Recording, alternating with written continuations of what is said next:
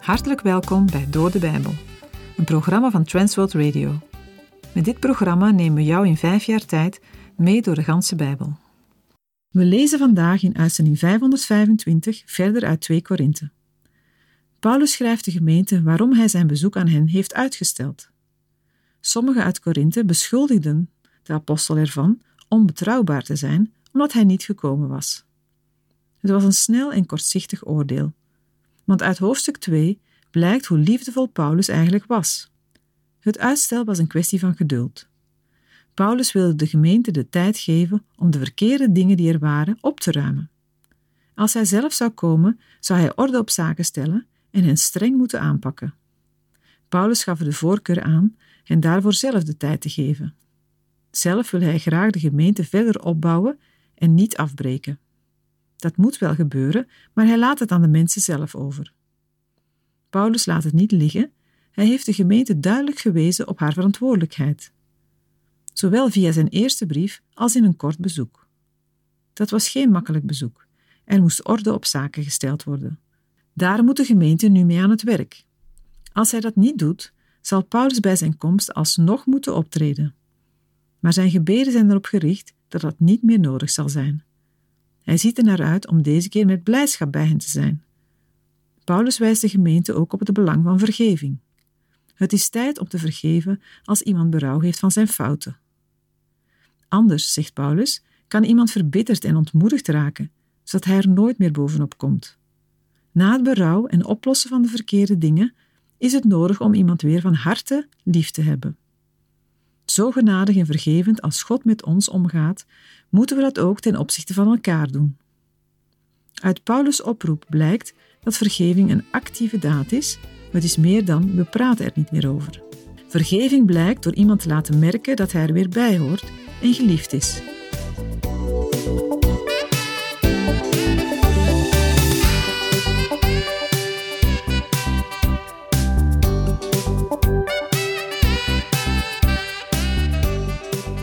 In de vorige uitzending waren we getuigen van de moeite en worsteling van de apostel Paulus ten aanzien van de christengemeente van Korinthe. Hij had zijn medewerker Titus erheen gestuurd en was in afwachting van zijn bevindingen.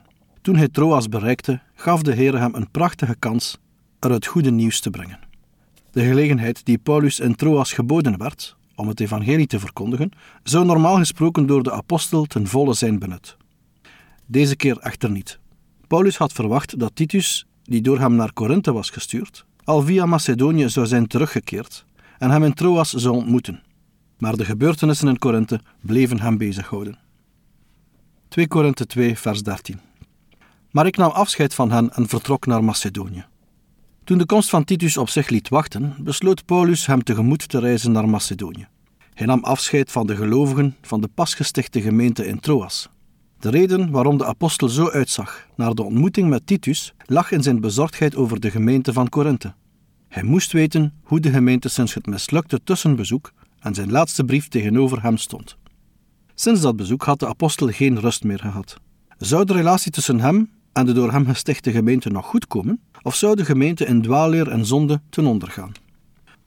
Pas in 2 Korinthe 7, versen 6 en 7 zullen we lezen over het positieve bericht van Titus. Daar staat: maar God, die de nederigen troost, heeft ons getroost door de komst van Titus. En niet alleen door zijn komst, maar ook door de troost waarmee hij bij u getroost werd. Hij deed ons namelijk verslag van uw vurig verlangen, uw treuren en uw ijver voor mij. En zo werd ik des te meer verblijd. In Filippi ontmoette Paulus Titus weer en kreeg hij te horen dat de Corinthiërs met de zonde in hun gemeente hadden afgerekend en dat de betrokken man berouw had getoond en zich van zijn zonde had afgekeerd. Titus was door toedoen van Paulus tot bekering gekomen. Hij was van niet-Joodse afkomst en werd door Paulus dikwijls met verantwoordelijke opdrachten uitgezonden. 2 Korinthe 2 vers 14 En God zij dank, die ons in Christus altijd doet triomferen en door ons de geur van zijn kennis op iedere plaats openbaar maakt. Het is opmerkelijk dat Paulus hier niets vertelt van de verheugende ontmoeting met Titus, die ondertussen in Macedonië had plaatsgevonden. In plaats daarvan staat hij eerst stil bij de tegenstelling tussen zijn eigen onrust en de kracht en overwinning van de Heer. Tegenover de zwakte van Paulus staat hier de overwinning van de Heer, waarin Paulus, als was hij krijgsgevangene, wordt meegevoerd. Paulus gebruikt hier het voorbeeld van een Romeinse triomftocht. Als een overwinnaar naar Rome terugkeerde, vond er een grote triomftocht plaats.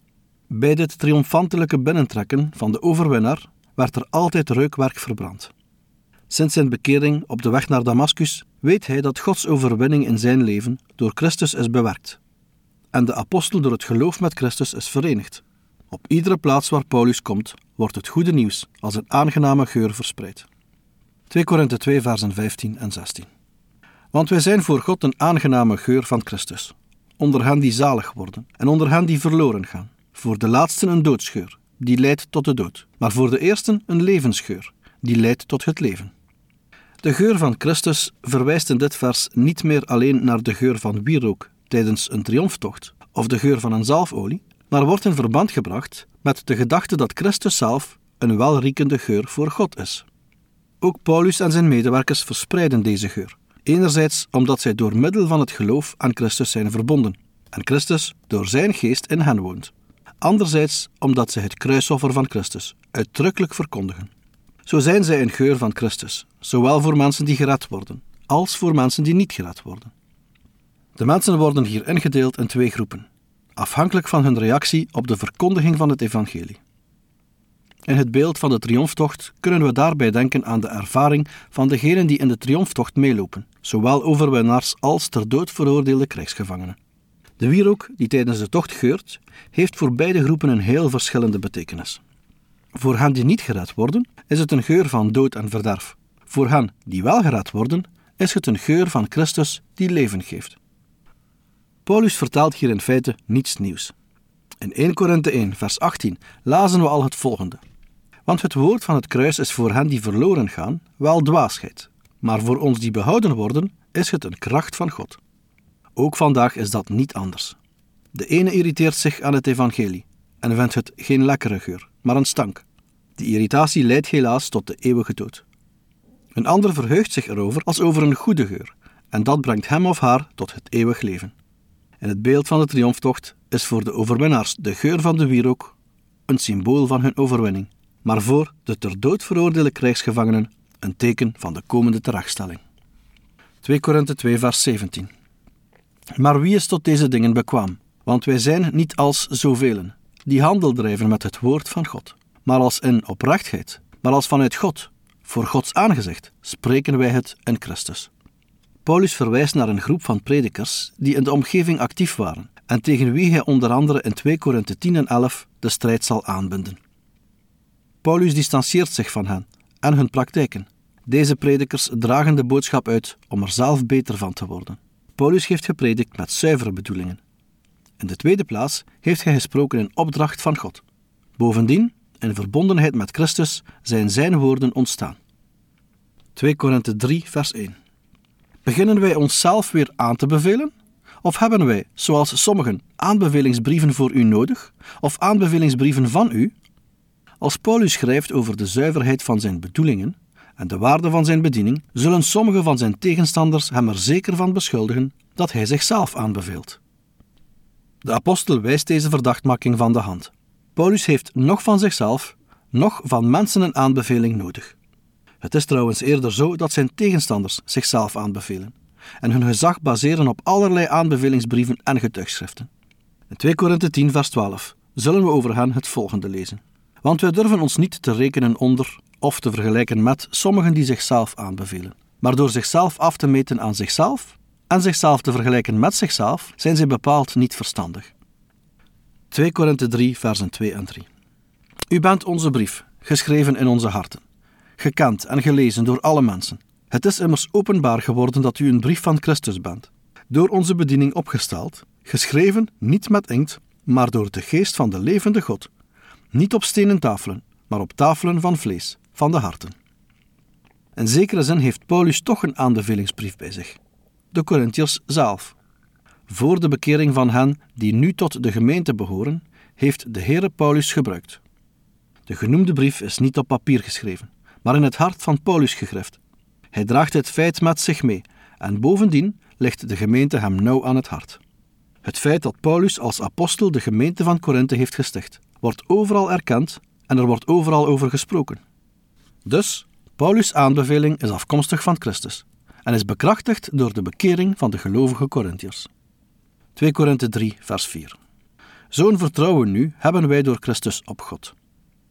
Het vertrouwen waar Paulus over spreekt, is de zekerheid dat hij aangesteld is als dienaar en afgezant van Jezus Christus, en dat hij daarmee de erkenning en het respect van de Corinthiërs verdient.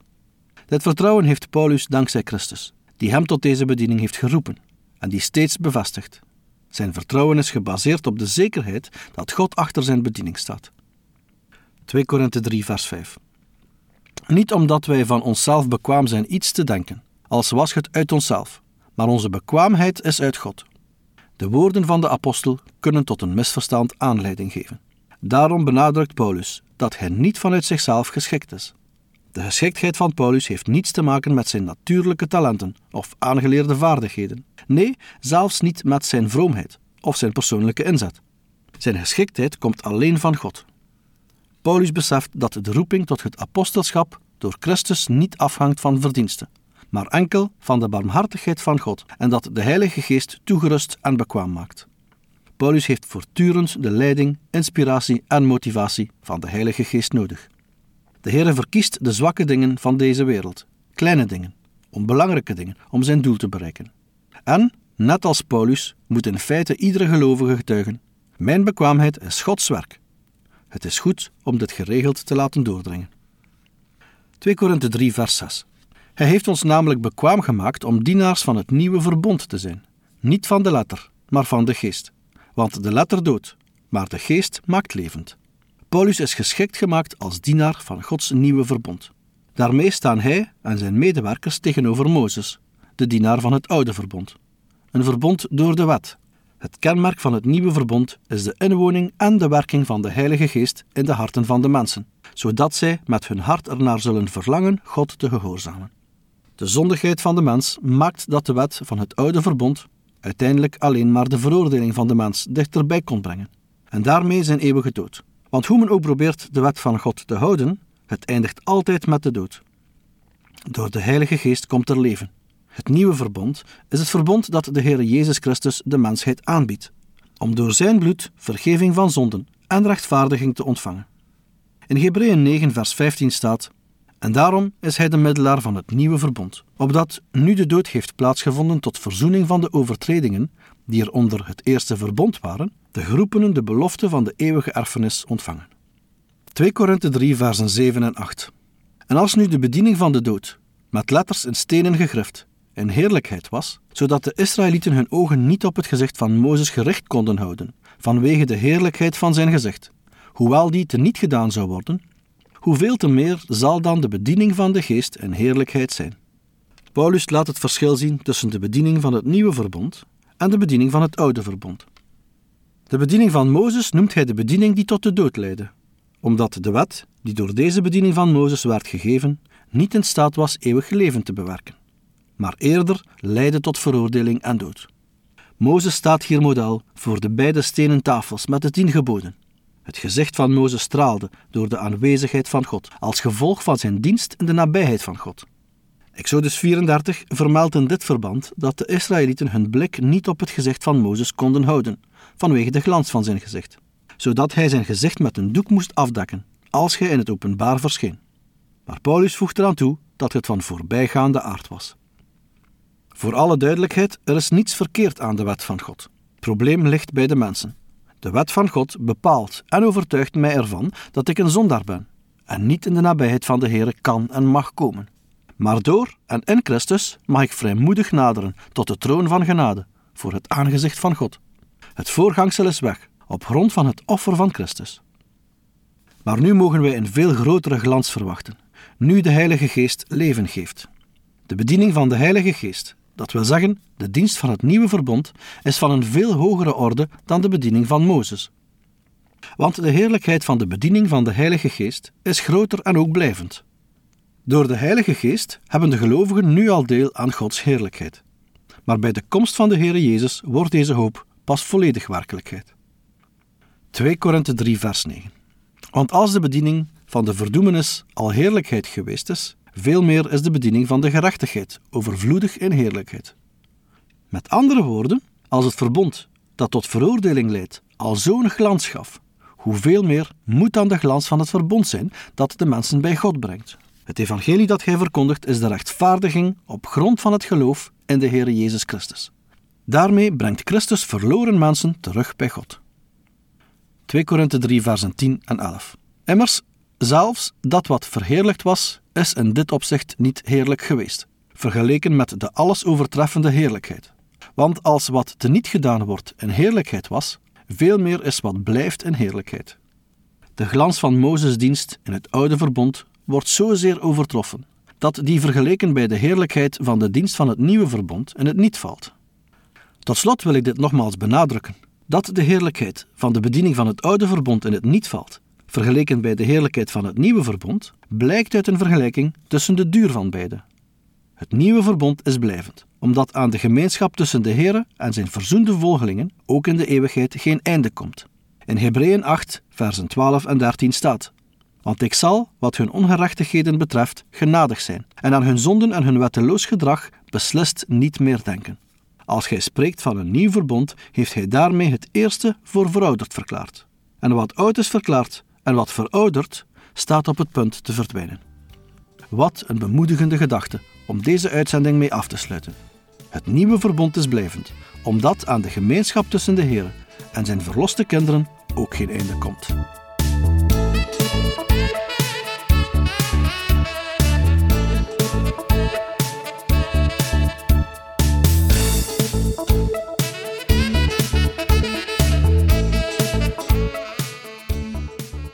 Heeft geluisterd naar Door de Bijbel, een programma waarin we in vijf jaar tijd de ganse Bijbel bespreken. De basis voor het programma is de Bijbelstudiereeks van Dr. Vernon McGee, Through the Bible. Deze werd in het Vlaams vertaald en bewerkt door Transworld Radio. U kan elke werkdag naar een nieuwe uitzending luisteren en u kan ook steeds voorbije uitzendingen opnieuw beluisteren of downloaden. Als u wilt reageren op deze uitzending of u heeft vragen, dan kunt u uiteraard contact met ons opnemen. U kan een e-mail sturen naar doordebijbel.twr.be. Verder kan u op onze site terecht, www.twr.be, voor meer info en het beluisteren van onze overige programma's. Dit programma werd gepresenteerd door Patrick Couchement en Anne Notenboom. Wij danken u voor het luisteren en graag tot een volgende keer.